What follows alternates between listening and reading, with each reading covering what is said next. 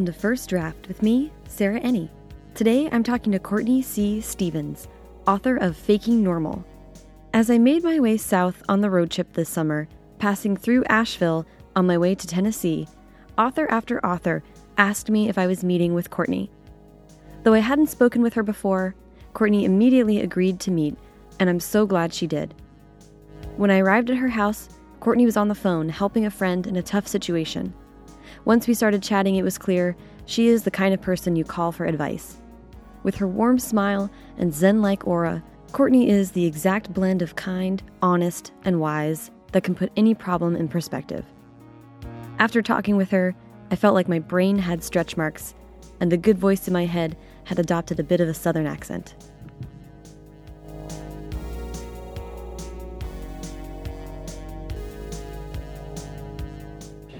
Um, so hi. it is so nice to meet you. It's awesome to have this opportunity. It's nice to meet you too. Yeah. Let's start with where were you born and raised? Where was I born and raised? I was born um, in a little town in far west Kentucky. So it's a little place called Bandana, which no, basically no one's ever heard of. What a great town Um, name. Yeah, it's kind I of love fun. it. And actually, in uh, in my book, it has all these made up band names. And so I made one of them Bandana Roads, and I spelled it wrong, but that's the city I That's grew up on. I mean, the road I grew up on. Yeah, so I grew up there, and that's like where the Mississippi meets the Ohio, and so it's Yeah. Mm-hmm. it's river country, it's farming country, it's very very rural. Um, I feel really lucky um, that I grew up there. I played sports all the way through high school, and particularly softball. Nice. And so Were you a pitcher? no, I was your- a catcher. Oh, actually, cool, cool, I was cool. a catcher. That's awesome. For 19 years. Oh, my goodness. long time. Yeah. Happy knees. you Uh, I was gonna know. say, oh my gosh. That's what everybody always asks. It's actually not knees, it's hips. Oh, really? But um, yeah, and so I got a softball scholarship to um, a liberal arts college in Kentucky called Lindsey Wilson.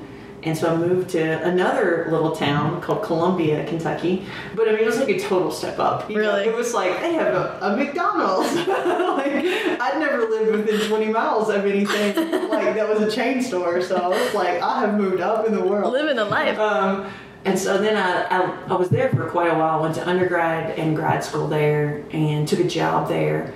And then eventually left that job um, to go into, I'd been in campus ministry and I decided to make a break and get into um, church ministry. And so I took a job um, as a youth minister in Bowling Green, Kentucky. Cool. Yeah, and um, I did that for almost a decade.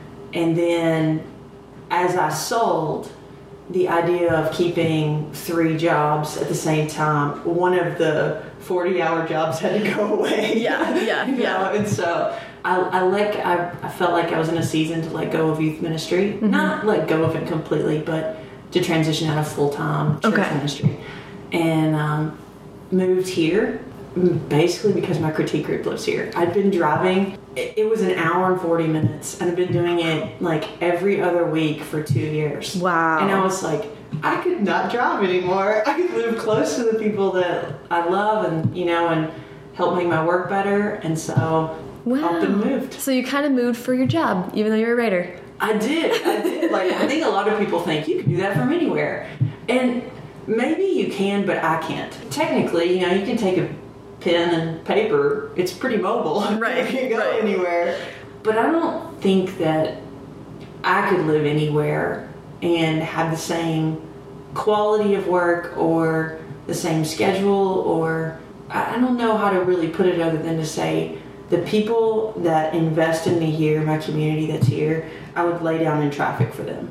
I mean, and they, I think they bring the best into my work and their fingerprints are all over it. And I think you can do that online, but it's better if it's in person Yeah. because the relationship is stronger. And when somebody gives you hard news, they give it to you with love you can see. That's huge. Yeah. I love that. You just moved towards the, the goodness. Yeah. That. Yeah, definitely. That's that not everyone gets the chance to do that. That's No. really, really cool. no, really lucky. Yeah. And really lucky just to have those people to begin with, much less to have somewhere to move where they were. Yeah, you know? yeah, yeah. Okay, so we are gonna let's back it up just a little bit, and then we'll come back. Sure. We'll work our way back there because I do want to know what you studied. What I studied in school? Yeah. Okay, yeah. Well, my undergraduate degree, I have two undergraduate degrees, One is in um, counseling and human services, and the other was in Christian ministries. And then I stayed. I got a master's in counseling Okay. and mental health counseling, and then I got a master's in theology. So I did ten years of higher education. Oh my goodness! Wow, yeah. Um, so, you, did you always know? I mean, that's very focused. Did you always know that that counseling was a calling for you? No, actually, I went to school for writing, and or at least I thought that's what I would do, like journalism or something that involved writing. And I took um, psychology my first semester of college, and I was listening to my professor talk about human behavior and people, and I'd always really loved people, but understanding them and not just understanding them but having a place and a way to speak to the broken places in people that was right on board with who I wanted to be and so I I switched majors and I went basically all the way through the counseling program and I got to really my last semester in college and I needed to take a class I mean I had to fill out my schedule I'd been burning through classes and so I was like I wonder where Terry Swan ended up. He's the one that taught that psychology class. I hadn't had a class with him in a long time. I was like, uh-huh. I wonder where he is. And so I looked up, just looked for a class, and he was teaching Intro to Christian Ministries. And I signed up for it. I didn't have anything else to take, so I was like, okay. And I went through that class, and I listened to him talk about using ministry, and and I thought, I don't know what it is he's doing, but I want to do that too.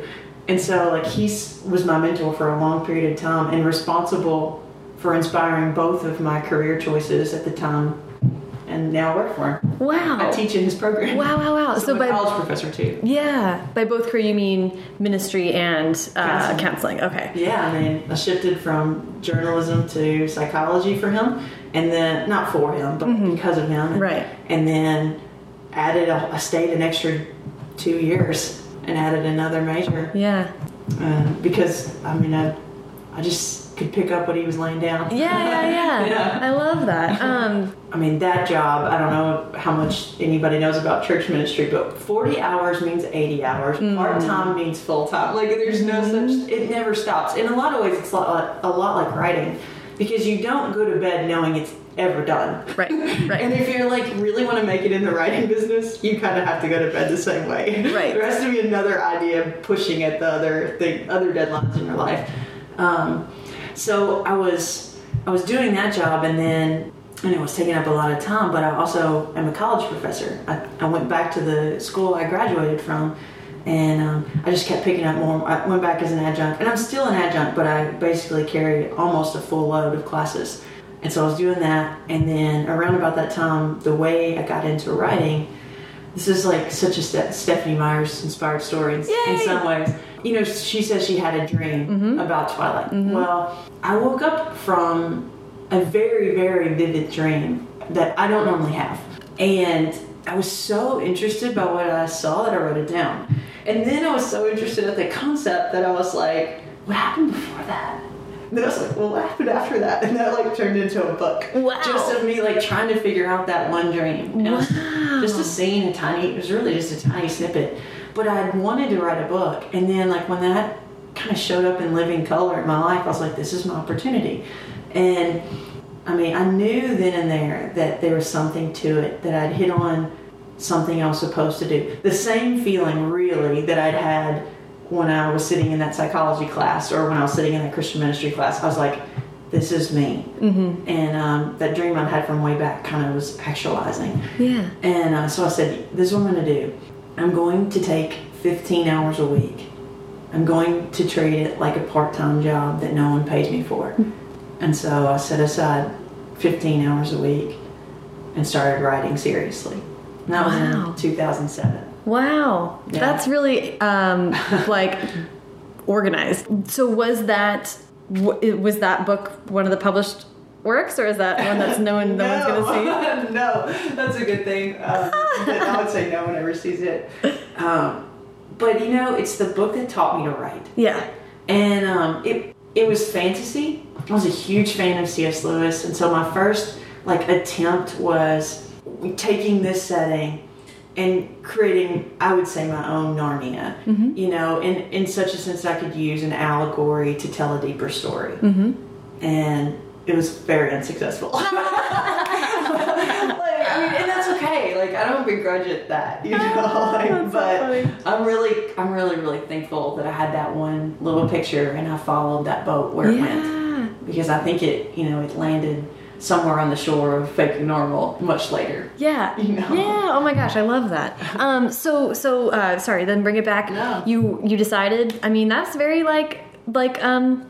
Well, we just use this word a lot in Myra's interview, but intentional. You have you. It sounds like you've learned what that gut feeling is and to listen to it Yeah, and to take it seriously. I try to, you know. I mean, and I've certainly um, missed it at times in my life and in in writing in other areas. But like overall, I think there are a few times where you know that you know that you know something, and these were a couple of them in, in my life. Yeah, that's awesome.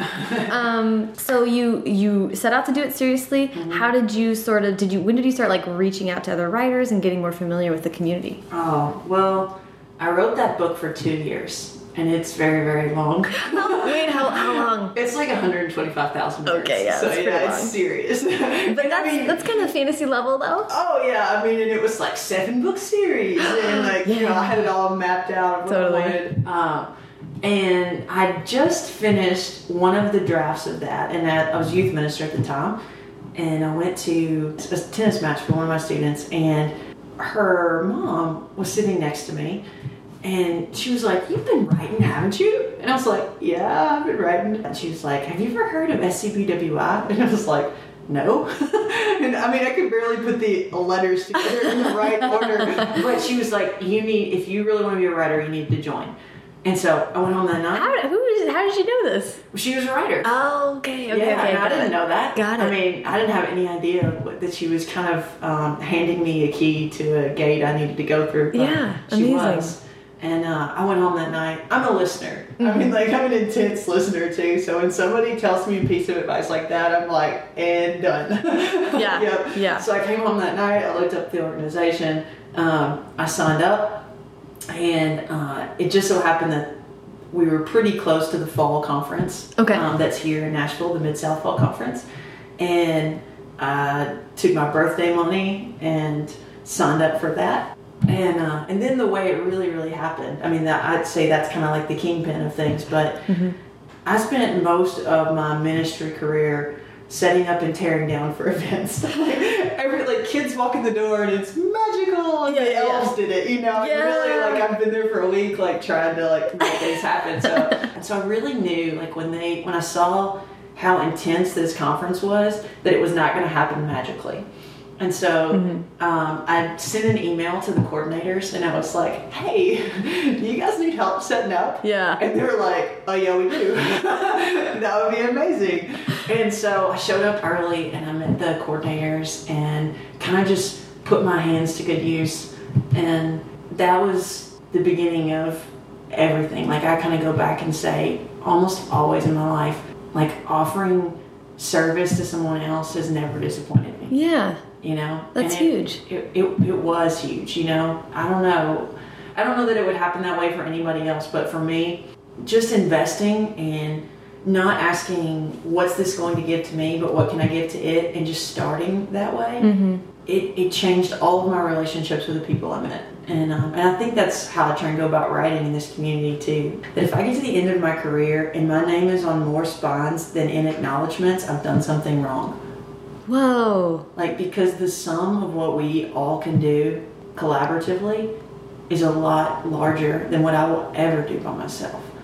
And so when I see one of my friends come out with a book and I'm like, I got to be a part of that. Yeah. You know, and that's kind of magical. Yeah. Oh my gosh. I can gosh. never write that many books. Right. But I can be a part of that many books. Well, like you said, thumbprints all over. I mean, you get to make an impression. Yeah. So you start then with SCBWI, and Yeah. who all did? What, what year was that? Was that 2008 ish or? That was 2009. Okay, right, Yeah. because you spent two years writing Yeah, the the. 2009 was my first conference there, and um, I got involved locally here. Mhm. And um, over the year of 2010, I realized that the national conference in LA was a good step forward. Mhm. There were so many editors there, so many agents there, and so um, I decided I would take all of the profits from being a professor Mhm. and gear them toward my LA fund. Yeah. And yeah. um, and So the, towards the job that's still not paying you, the part-time job that's still not paying you. Right, toward that part-time job that wasn't paying me. And like the way Fake Normal came about, it's still writing fantasy, and I paid for a critique in LA. It was a hundred dollar critique. I would say that was the wisest hundred dollars of my life. And I was sitting across the table in LA from this like career editor, and I was scared out of my mind because she's like tough. Yeah. And uh, my friends were sitting outside. They were like anxiously awaiting. Like, was she going to take the battle axe to my work? You know, kind of thing. Yeah. And uh, so she slid my fantasy back across um, the table, and she was like, "You know what? You write this, and it's good. Like, and you read this, and I can tell you read it. But I'm going to say this to you: I don't think this is the story you have to write."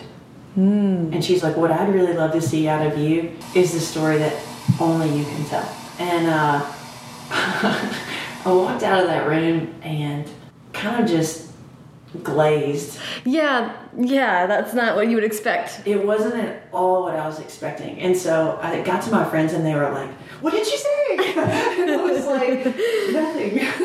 And they were like, She didn't say anything about your work. And I was like, No, we didn't talk about that. Yeah. And they were like, What did you talk about for 30 minutes? And I was like, Well, she wants me to write the story only I can write. And like, I stepped away from them and I mean, it just like dropped in like that. It wasn't fantasy. I mean, not because I don't love, I mean, I was writing fantasy because I love fantasy, but like the reflection of my life and the reflection of the kids I had worked with blended itself more toward a contemporary book. Yeah. And um and I like I made the change in my head in that moment. And I, her question sparked this other question. And that was if adult me could go back and talk to teenage me and intervene at any one moment in my teenage life, what would that moment be? And so I saw myself when I was like 14 years old sitting in like the bottom of my box closet, like tearing up baseball cards and like being emotional. I was being such a girl. You know, like it wasn't even like a terrible event. It just was, you know, one of those moments you can't get a hold of yourself. Yeah. And uh, like that image drove the entire story. That girl, who was me but not me Yeah. by that time, sitting in the bottom of that closet tearing up cards. And I wanted to know everything. Wow. you know? That's amazing. Yeah. So SCBWI, uh, like for me, the local chapter, the LA chapter, I would never have written that book, ever. I know it. I know full fledged. I would never have even tackled it if that editor hadn't have said that to me. And then if my friends, when I told them what I wanted to write, um, specifically uh, Ruta Sepetys and Sharon Cameron, they sat me down and they're like, "Court, you gotta write this book." Yeah. and I listened to them and I went back up to my hotel room and I wrote the first four pages of Faking Normal and I often look back at that night and I think it was one of the bravest nights of my life. Yeah, I was gonna say that's because what she's telling you to do, it's not particularly brave to edit. it's really, really brave to choose a new story, and especially a story like that. Yeah, it wasn't easy. Definitely wasn't easy. But I think the great thing that she gave me was the opportunity to write a book that only I cared about first. And the longer you're in the business, the harder it is to funnel down to that one feeling where I'm the only one who cares about this because you already know how many opinions exist in the world Yeah.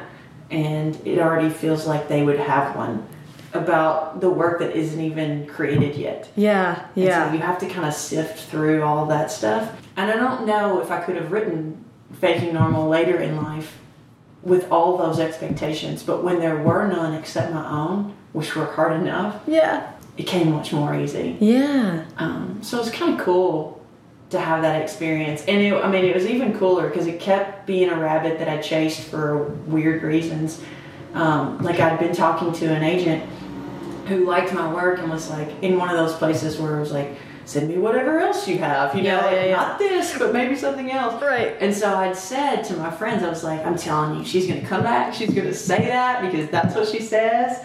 And um, sure enough, I got on the plane to come home, and Wednesday morning there was that email you know, hey, not this. What about something else? Yeah. So I was like, okay.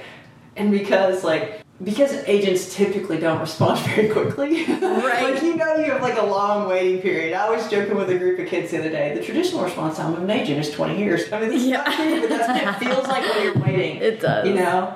And um, I thought I had all the time in the world, so I wrote her back and I was like, "Hey, how would you like to see?" And this was the way I pitched it: Peeta Mellark from The Hunger Games meets Melinda from Speak. Wow. And she sent me back an email very promptly in like four minutes and was like, send me 50 pages. And I was like, oh no. How about four? I didn't say that. And so I did what every writer does in that situation. I was like, how about on Monday?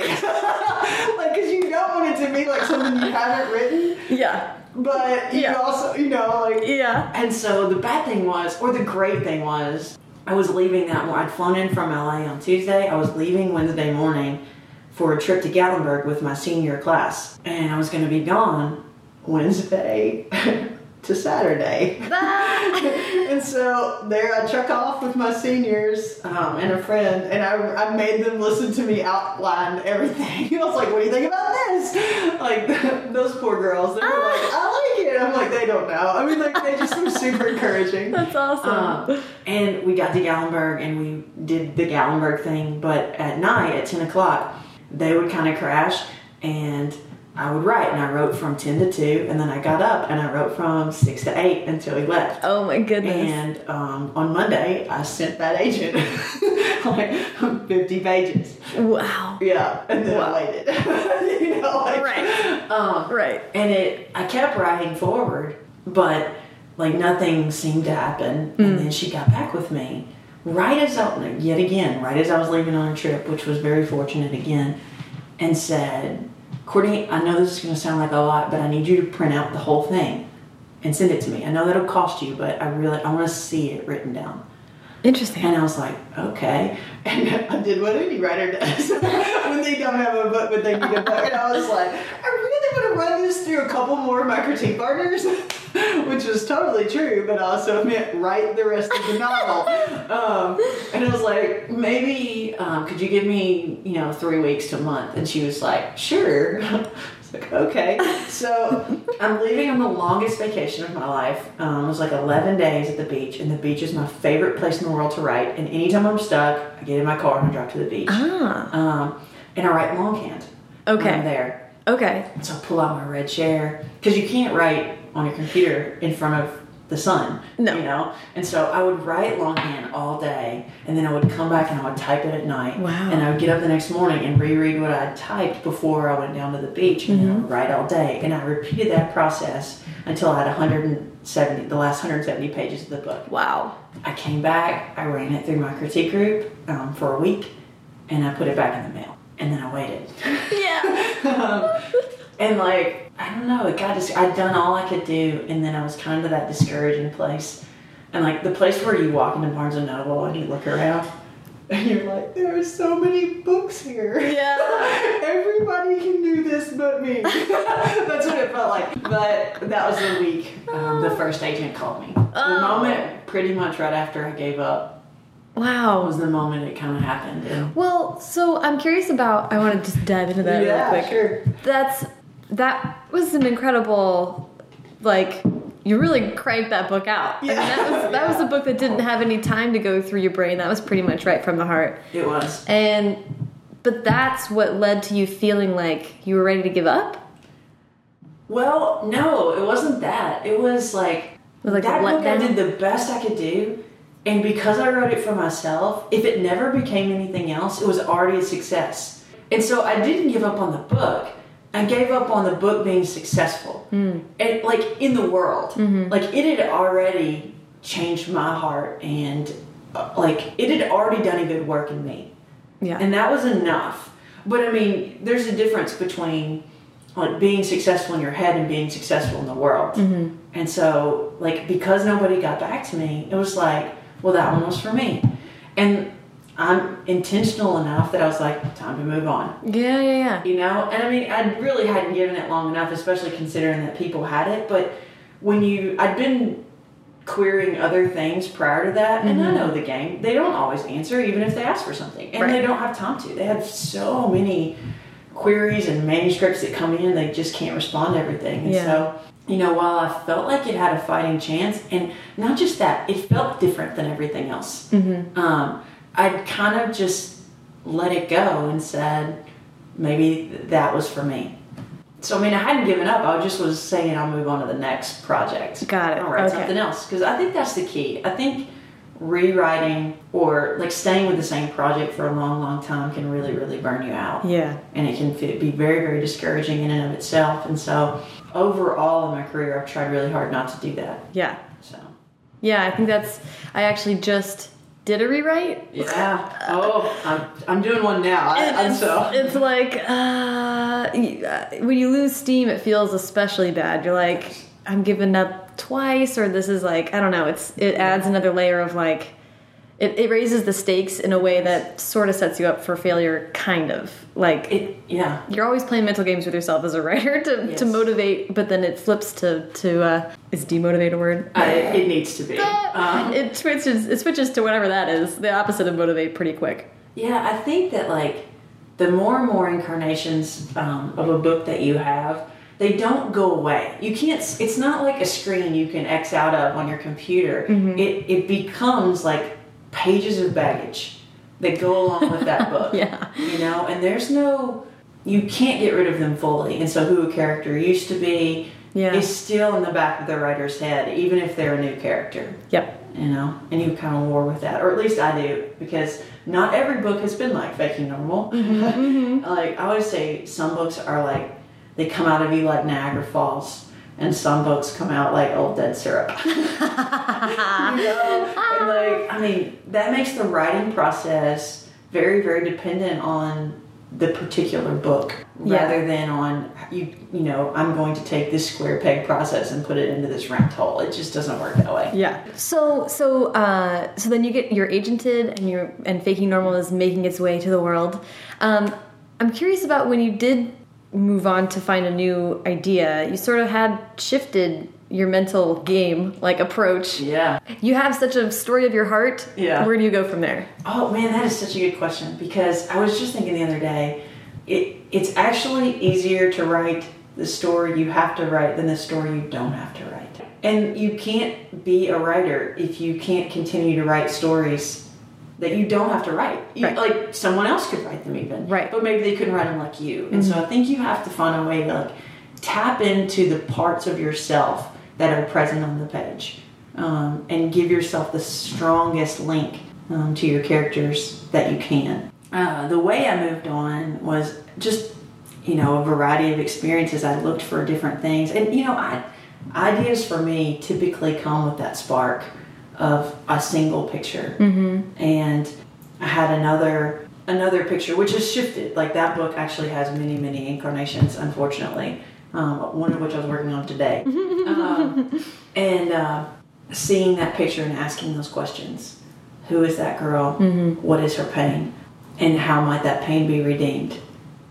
Yeah. you know and i try and put characters around her life that make that redemption harder and make that redemption easier and then give them the choice of Yeah. you know who they're going to side with. I say this to students a lot of times like i can't promise you or protect you from pain. I can't promise you a life without it. You will have it. In fact i can promise you you'll have a life with it. Pain is one of the common denominators of life. But i can promise you that the people you choose to share that pain with will either make that healing take longer or shorten it by a vast degree Mm-hmm. so I think I mean that's one of the things I, I try and bring to writing. I'm one of my agent says a lot of times she's like Courtney, I think one of your strengths is writing aftermath stories, and um, so it's not when the event happened. It's what does life look like after it happened, Yeah. and so I'm always looking for those moments Yeah. Yeah. Yeah. to tell. Well, that's that's sounds like a counselor kind of story. Like, Yeah. let's break it down. Yeah, Not we can't change what happened, but we can change what's happening now because right. of it. that's right. Um, Cool. Yeah. Okay, so then, so when did the blue haired boy? Was that the next idea? Was that where? Where are you in the? In that? Um, I was, I'd finished Faking Normal. I was actually in LA and I got an email at SCWI. But no, I got an email from my editor and she was like, you know, would you be interested in participating uh, in this, in the Harper Impulse series? Mm-hmm. And she was like, I'd really, um, I really anticipate that your readers will get to the end of Faking Normal and say, I need more of Bodee. And she was like, let's just give that to them. So she asked me to, like, it was just an assignment, which was super interesting because I'd never had anyone give me a writing idea before. Right, right, right. Um, and she wanted me to write Bodee's story before Faking Normal. Mm. Uh, and so that way you can approach either Faking Normal or the Blue Haired Boy first. You can come to them at any time. And so I couldn't give away anything that happened in Faking Normal. Right, that's tough. Really hard. And then the other thing that made it really hard is when you meet Bodee in Faking Normal, he doesn't have any friends and he doesn't talk. So if you've ever tried to move a novel with a single character who doesn't really talk to people and doesn't have anyone to talk to, I was like, this is gonna be hard. and so there are a bunch of incarnations of that story, and I laugh about it now. I'm kind of like, would you like to see the tornado version? Would you like to see the Christmas in July version? Like I have like The musical. yeah, yeah. I mean, yes. That's kind of how I felt for a little while until I Uh. landed on um, another character, Ah. and um, that like when I took Alexi, um, the main character of Faking Normal, out of Bodee's story and just acted like she didn't exist yet, it made Bodee come to life, and. Uh, and the way that sparked was another picture, and I saw this girl standing on the top step of a Greyhound bus, and um, she had like wild colored hair and um, motorcycle boots, and she was stepping on the bus, and she misstepped, and she just went straight to the pavement, and she got up laughing, and like she had the biggest smile I'd ever seen in my life, and I was like, "That's a girl Bodee needs to know." Yeah, that is so cool. So, yeah, so it's kind of cool. Well, and a, and a challenge too. You you get attached like a shiny new character, someone that you do want to spend all this time with and get to know like mm-hmm. that, and get have Bodee get to know. But then you know where his story ends up. That's Yeah. a challenge as a writer Yeah. to not let it go off the rails and be like, well, alternate world. oh, now they're gonna be together. I had to make sure that every path I put him on was one that would help Alexi later. And so I tried to take him on into this place where he could learn how to deal with pain, how to how to deal with a girl who wore pain like clothes. And I was like, if I give him this experience now, he's much more likely to handle it with the maturity that he handles it with in faking normal. yeah. So Ah, that's so cool.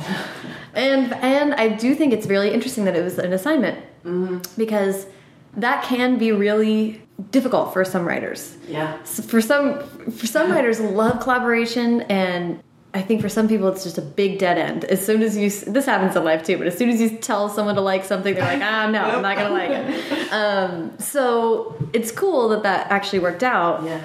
Have you had that happen again? Is this since it worked out?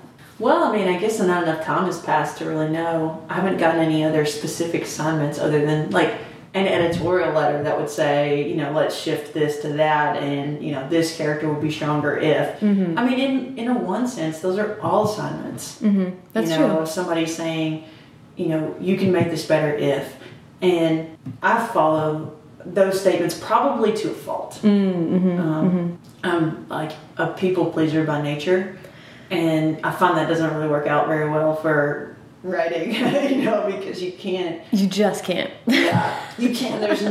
That's such a great place to stop. Like I was gonna say, there's more to that sentence, but there's not. You just can't. Period. Like you Cannot. uh-uh. you know, and you can do the best you can do, but I think it really comes back to that. You have to find a way to make every book the book of your heart. Yeah. And you can't always, I don't think you can execute that at every turn. But I think the closer you get to it, the more you can let those opinions go away. Yeah. And say, no, I, I know I did the best I could do. I know I wrote the story I was meant to write in that moment, in that season. And that's all I have to offer. Yeah. And if it's not enough, that's why I'm writing the next one. Yeah. Yeah. Yeah. You know? That's huge. I, and because I think uh, just to restate it in a different way, because I relate to this big time, is as a pleasing person, you get an edit letter. I'm not against. I'm not against being edited. Far from it. But then noticing, realizing, and accepting when I should say no is very tough. Yes. yeah. Have you have you gotten any better at that? Not super much. um, I think it's harder for me actually, rather than at an editorial level. Level, I'm relieved. Mm. Like when I get that piece of advice, I'm like, yes. Mm-hmm. Like, because then I know I'm not riding into the wind. Yeah. I'm, I'm on a direction that they feel is really strong, and I wouldn't say that if I didn't trust my editor the way I do. But Mm-hmm. she's incredible, just incredible, and I. I trust her not only with my words, I trust her with my heart and with my career. And I know not everyone has um, the same experience as that. Mm-hmm. Actually, I think it's probably pretty unique. But even if I never wrote another book for her, I would still trust her because it's not just tied in with business. And that may just be because of the type of content I generate. It lends mm-hmm. itself toward a, a like a deeper relationship. But when she says something, I'm relieved to hear it. It's more the brainstorming, creation, plotting stage that I really struggle with. I love and need other people to be involved. Mm-hmm. But when someone's like, "Oh, I don't think that'll work," then you're like, "Oh, but what if it needs to work?" You know, Yeah, yeah, yeah. I ever, and then I have them in the back of my head when I'm sitting down to write with them thinking, "Well, that didn't, that might not work." Yeah. And overall, my editor lives in New York, and my friends live here. Yeah, yeah, yeah. Like, and like they're gonna pick that book up and read it, and then I know they're gonna have a judgment on whether I executed or whether I didn't because they were against it. Right. Um, and I think that's difficult. But at the end of the day, nobody's writing that book but you. And like their influence is always more helpful than it is. I would never not do the process of brainstorming with people just because I struggle with pleasing them. Um, but I still do struggle with hearing their voice. I can X out a lot of other voices like um, bloggers and reviewers and um, readers. And I mean, that I can let go of because it's removed from me. Mm-hmm. But it's harder when it's your people because you want naturally to impress them. And I, I don't, I say impress, it's probably the wrong word. I think you want to be a part of like the mutual admiration society with your friends. Mm-hmm. Like, I don't need them to like love my book, but I'd like them to respect my talent. That's hard to say because i even feel kind of arrogant saying my talent. But I think that's the thing that we have to hone. That's the skill that's in our mm-hmm. toolbox. You know, we have to keep getting better. And if we let it get dull by not letting other people sharpen it, then we're not doing ourselves a service. So I'd rather risk the, a lack of admiration or respect there with them where it's safe and they love me Yeah. than letting it get out into the world that way. You know, because Yeah. those people don't have to love me. You know, they don't have to have any tie to it. But my friends wouldn't say what they said if they didn't care. And so I try and hear that first. Ooh. Yes, I like that a lot. Um, I do. I do want to talk a little bit about that process, the talking it out, because I don't think that's. I don't. I think that's maybe a little unique. Walk me through how you guys have a brainstorming session. Like, how many people are there? What are you Oh, talking man. about? Well, it depends. It depends. But this like SCBWI community, um, specifically just a group of us that live in Nashville, we do something called Plunch. What? Plot lunch. Sometimes we planner, sometimes we pool in the summer, you know, like, um, but it, it's very, very casual initially. Mm-hmm. And like we all get together, we meet at a restaurant or someplace like that, and then somebody's like, I have a plot problem. And then they just throw it out there, and then we just like bat it around like a tennis ball for Yeah. a while until we come up with something. You know, and that's usually more in the idea development stage or in I ran into a spot and I don't know how to fix it. That normally comes when plot that you you'd already decided on didn't work. So that's one stage that it happens in. I normally do a stage by myself where I, I recently learned to critique from uh, a writing retreat that Alan Gratz puts together. And through that, they taught this uh, outlining technique called eight box. I sat back and I watched them do this. I'd always kind of been a save the cat, three act structure kind of person. And um, it's a little bit different. And it, it let me see, they showed me through movies kind of the way this works. And I could see these like point of no return and um, the twist and the plot points clearer than I'd ever seen them before. And so now I kind of have this stage where I come back and I try and eight box it myself. Mm-hmm. And then usually I convene uh, a meeting of the minds, Mm-hmm. you know, and I take my eight box outline and I say, this is what I have. Tell me what won't work. Uh, Um, yeah. And, and not just tell me what won't work. I think one of the keys to having other people plot with you is I'm likely to come up with an A B answer. When my plot is in need of, you know, F G H Y, Yeah. you know, like whatever, like somewhere other down the alphabet, and I've run through the ideas and hit a stopping point. And when I add in those other opinions, we seem to be able to get past that place where I'm kind of stopped up Mm-hmm. and go on to a better idea. Yeah. And it's sort of sort of a shadow of my idea, Mm-hmm. um, but maybe something I wouldn't have come up with on my own. And then I, you know, I, I take that, I try and execute it in the draft stage, and then if I hit one of those points, I like. Um, I pick up the phone or I email and I'm like, I'm stuck, and this is where I'm stuck, and this is why I'm stuck Yeah. ideas. You Yeah, know, I yeah. mean, I think I probably have to do that because I'm not always the smartest writer, but I'm pretty tenacious. And uh, I've come to the place where accepting my own weaknesses is smarter. And and I always used to say this when I was in ministry, like you don't have to be good at everything. You know, you should always staff to your weakness. Mm.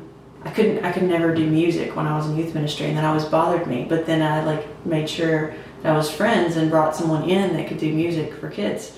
And so I think in in writing I know what my strength is and it's not necessarily plotting for myself. Mm. And so it makes sense for me to make sure that I collaborate in that place. Interesting, because I, I think uh, I think that's such a good way to look at it, staffing to your weakness, because you can have a great community of friends who are writers, and that and that's helpful in and of itself. You can talk to them, you know, they know what you're going through, you know what they're going through. But when it comes to critique partners, that's kind of a different level of you have to be on the same wavelength in a lot of different ways. Yeah. And it's hard sometimes to figure out which people are on the second tier and they're not always the people you'd expect or the Right. people that you're closest to might not actually be the best to read your work and that kind of thing Yep. so how did you sort of um, you know how long of a process was that to sort of figure out who was who was staffing to your weakness Gosh, um, I approach critiquing like I approach sports, and that is you always want to critique with people who are better than you. mm, yeah yeah, yeah. If yeah. there's any way, I mean that's Yeah. hard, you know, that are ahead of you in the writing journey.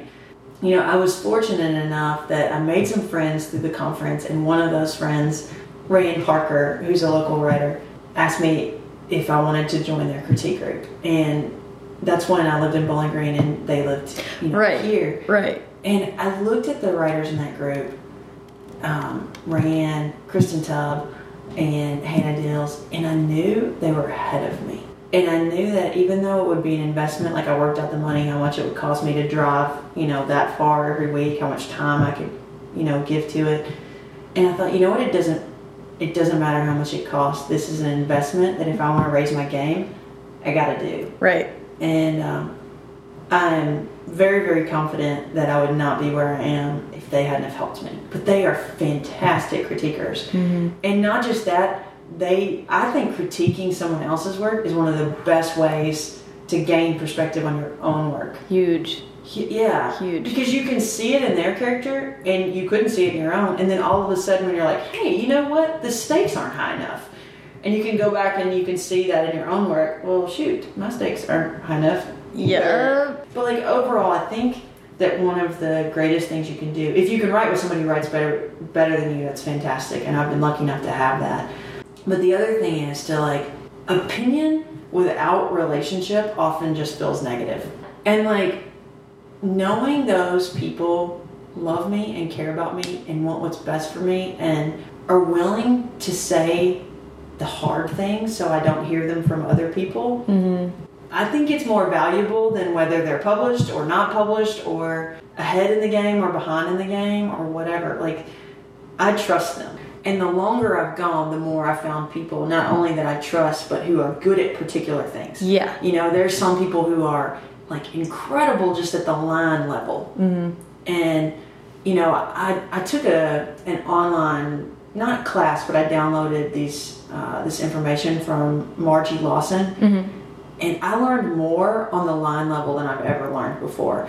And I could see that there were other people who that came naturally to, Right. and they were bringing that into my work. And so now I can try and hopefully bring that into someone else's work Right. because I've studied it. And you know, and then there's somebody else who's like very very good at character development. And then I have another friend who's good at like not only what's on the page but what's not on the page. Mm-hmm. I think that's actually one of the great challenges of writing. Like I, I try and get to the end of every chapter and I'm like, what's not there? Mm. Rather than what's there, what's not there? Interesting. Because you could have made a different choice.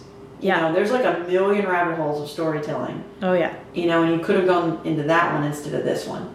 And that often leads that question and that critiquer's question often leads to my largest edits. Saying, mm, I didn't need that scene. I didn't need that whole scene. Yeah. Shoot, I just like it because I spent time on it. Right. And that doesn't fly, Right. you know? Yeah. Um, I think that's also a great way if you were stuck to think about what what's really not there in a very literal way. And you're like, what are you assuming that your reader knows? Yeah. Or what are you assuming that the character thinks or feels that you should actually be explicitly diving into? I'm gonna be taking notes when I listen back to this one.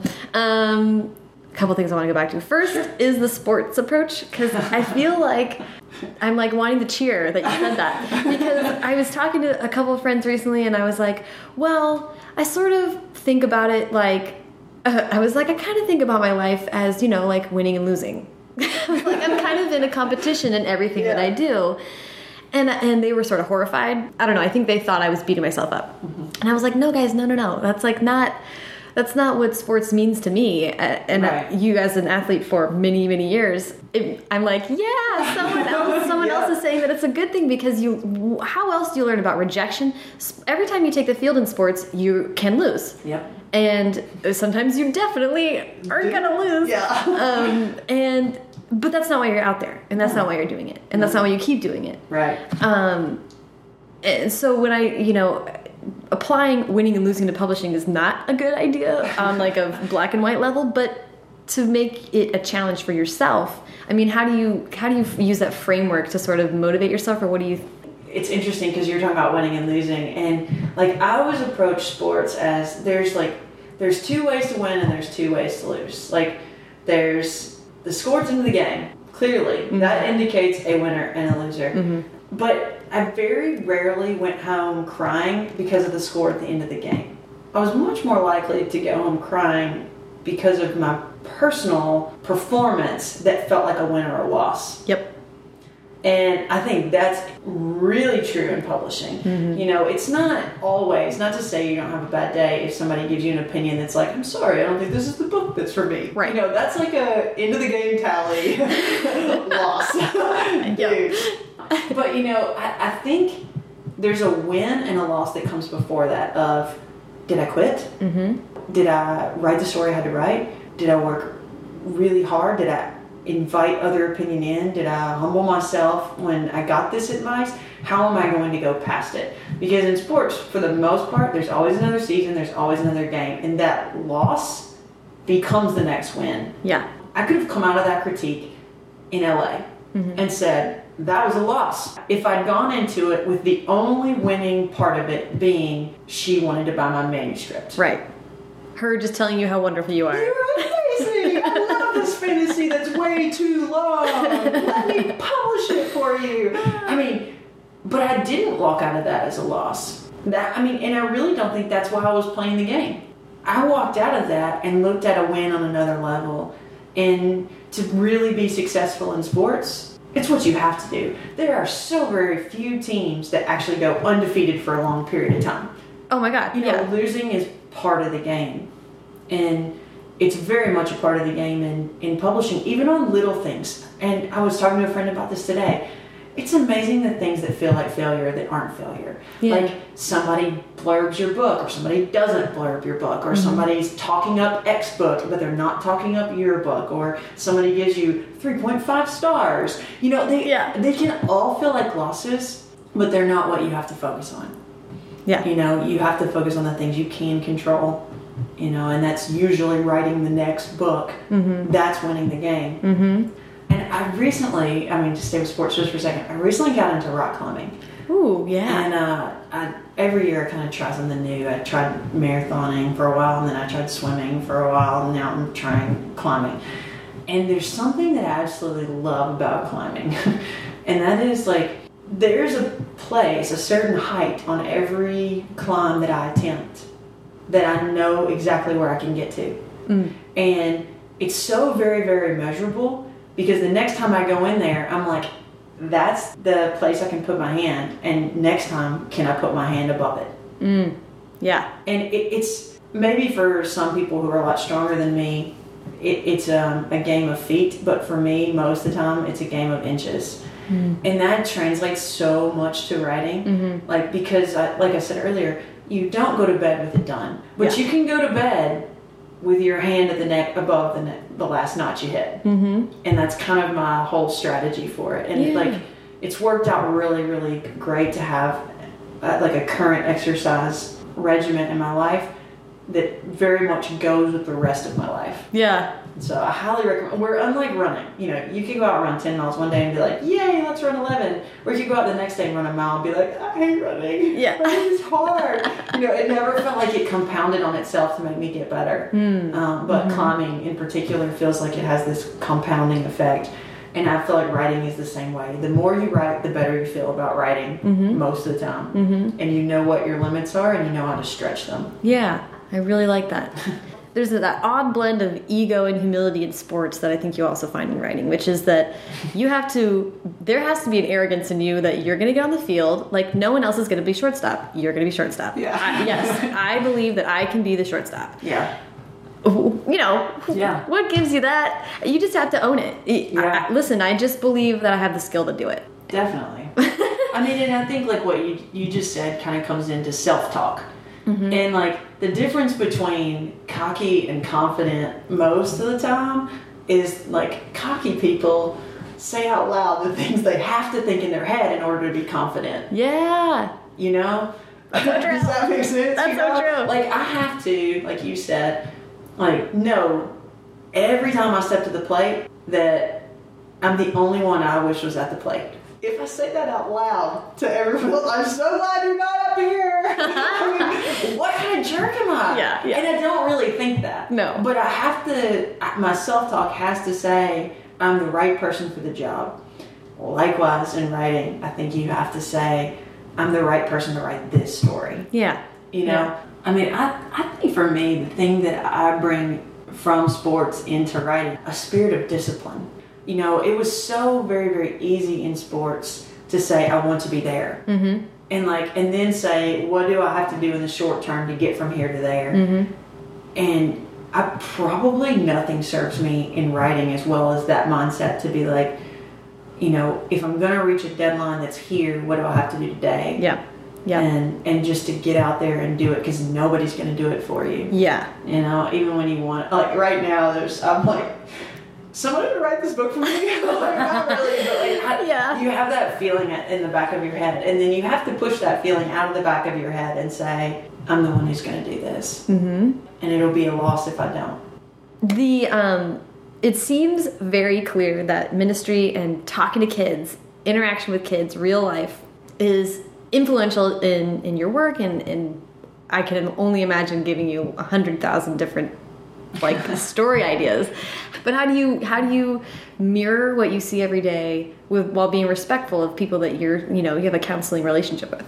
Well, maybe it's the counseling relationship that just talks so much like about confidentiality, Mm-hmm. but like I don't know that it's really that for me. I think it's when you're in a moment with a kid who's sharing something that they've never shared before, you're so privileged to be that ear and and to be that voice that it's not story fodder.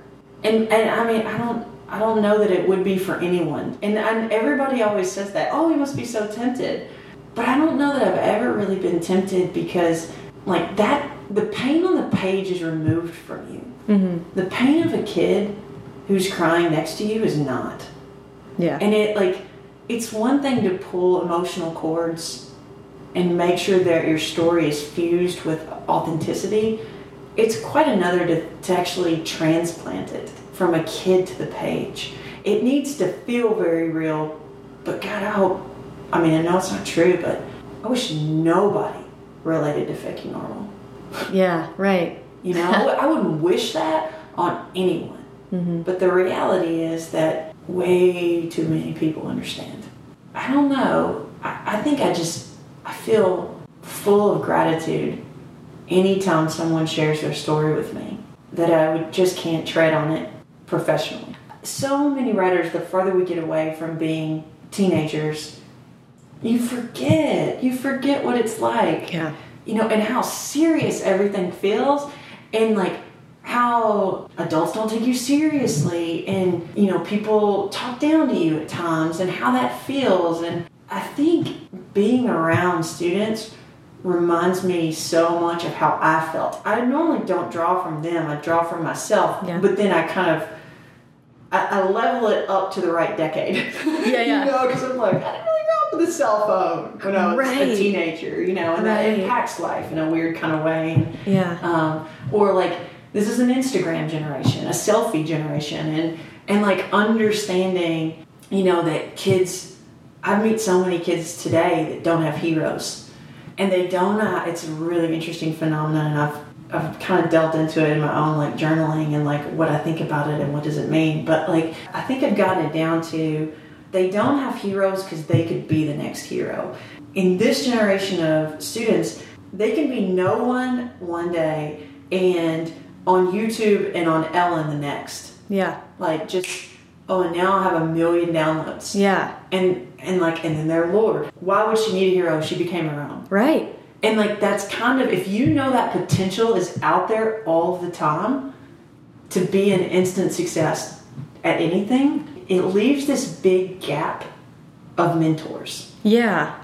Actually, Yeah, I was going to say there's a couple different ways to look at yeah, that, positive or negative. The fact that these kids could do it themselves is awesome. is amazing. They feel a sense of self-empowerment Yeah. from that. That's positive.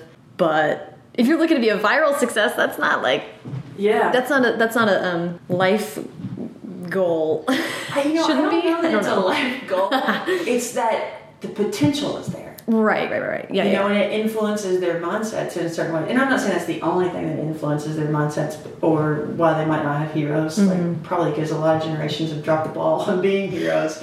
But it, it's it's interesting to just watch and be a fly on the wall of not just one kid who might be in your household. I see that happen a lot. Like a lot of parents have like these like specimens in front of them of which to write the most amazing things because kids are awesome. Mm-hmm. Yeah, yeah. You know? But like like to see a group of siblings interact in a larger group, to see um, a kid who lives on the outside of everything look at across the room at a group that squeezes six people into one couch Mm-hmm, and like just see the longing in their eyes yeah. observing in that kind of environment and not just observing it but speaking to it and listening about it and and hearing family problems and um, school problems and how much they worry about the future.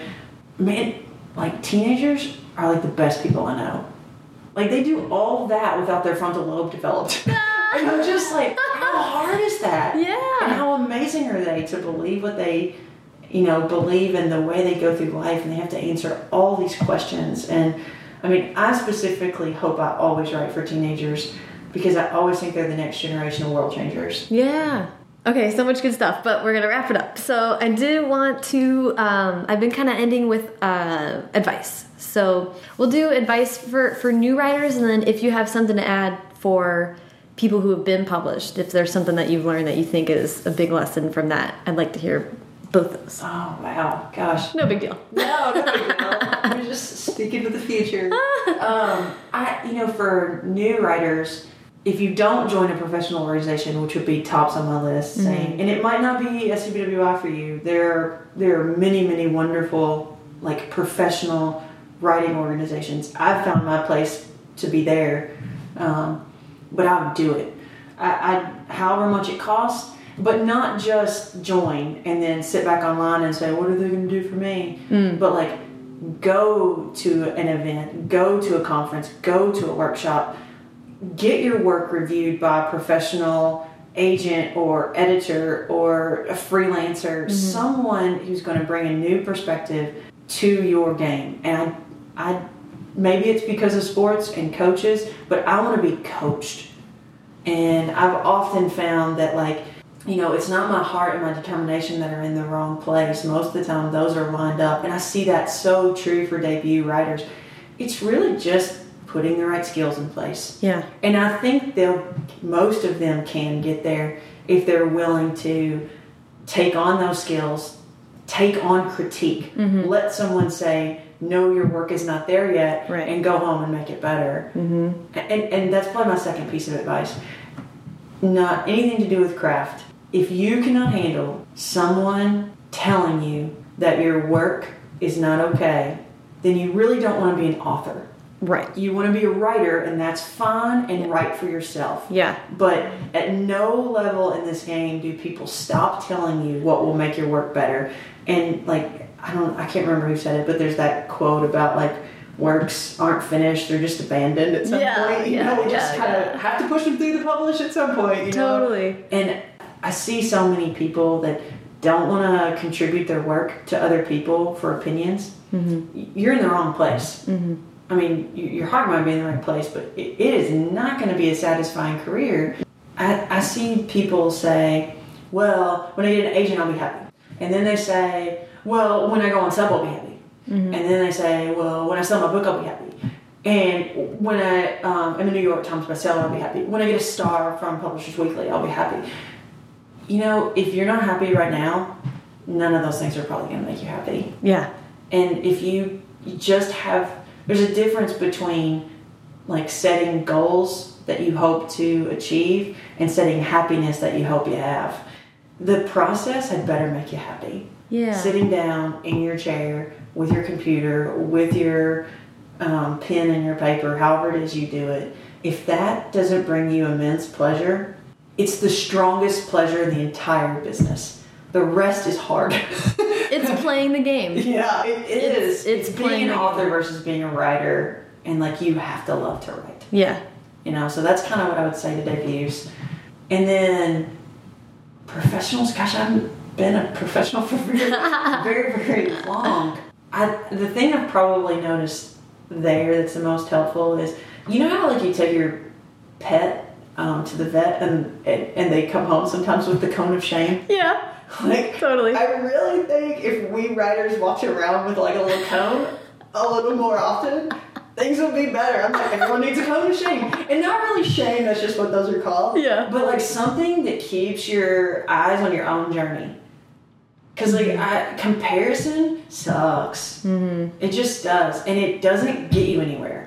I'd be all for comparison if it actually advanced the game Right. um, but it doesn't. And then maybe the second thing that I would say, and I, I think lots of times, maybe not like veteran writers, but like debut writers, sophomore writers, somewhere in that first two to three years, you get an idea that there are gatekeepers in the world. Right. That's true.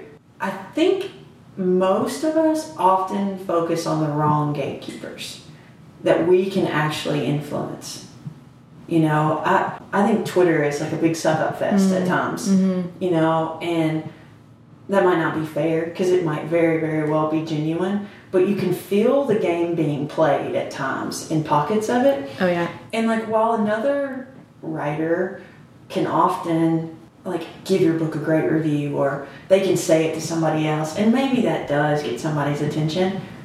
I have a feeling that you could probably do better interacting with a high school librarian. like I, I think we, we get the wrong gatekeepers in mind because the ones that actually hold the gates don't talk very loud. Yeah. So I would I would say look at the people you've been trying to influence Mm-hmm. and ask yourself what could they actually bring you. And then make yourself a list of people that might actually bring you readers. Yeah. More readers than what those are bringing you. Right. It's so interesting. um, and helpful. Because if you're thinking about gatekeepers as like maybe the person who decides whether you're in Barnes and Noble or not. Well, listen, what are you going to do? Send that guy flowers? Right, Like, nothing, There's nothing. There's not a damn thing you can do. He No. is a gatekeeper, that's for Right, sure. he is. But he's not one that you should waste your time on because no one's gonna um, Right. Be able to change his mind or Yeah. or affect him. Whereas if a kid has a librarian telling him you need this book or has a bookseller, the kid will find your book and it won't matter. Yeah.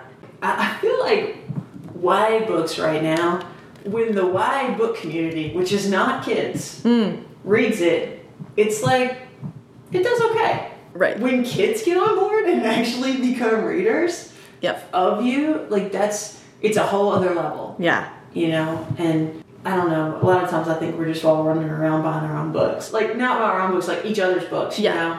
And ultimately that's an addition sale, not a multiplication sale. And I try and look at how do I add readers on a multiplication level than just one on one. Yeah. And like a librarian is, not just a librarian, like it could be the kid that has the ear of other kids. It could be, um, I, I just was at an event with um, Victoria Schwab, and three or four kids came up in her line and, were like, I'm here because Jesse the Reader on Twitter. Ah. I'm here because he sent me here, and you're like, man, he has the attention of a generation of kids. Yeah. I would say he's a gatekeeper. Yeah, yeah, yeah. Like, and he might not be the, he's not the guy at Barnes and Noble, Right. Right. but he certainly got people to come out to the event Yeah. in another city, in another place, That's even. wild. It is, you Yeah. know, and I'm kind of like, maybe we should make sure that people like him are appreciated. Yeah. There are so many bloggers and reviewers, even what we're doing right now. Mm-hmm. Like, it's an opportunity, and it it feels sometimes accidental as a writer, but it's not. It took intention. I mean, for you, it's I guess thousands of miles in the car. I mean, it's gas, it's money, it's all these things. It's effort, and like if nobody's thanked you yet, like thank you. Like you're being a gatekeeper, Well, I appreciate that. you know, and it it matters. It matters to me, and I mean, it will matter to readers. I hope cool. so. I hope so. I know it, that's that is part thing. I'm like, I know this series will be interesting to other writers. I hope it's interesting to anyone to Yeah. anyone else. We'll see. Yeah. Maybe kids who want to be writers. Yeah. I don't know. You never know who's Absolutely. you never know who's going to be reading whatever random stuff you put out in the world or, or creative stuff you put out in the world. Um, well, thank you so much. And if you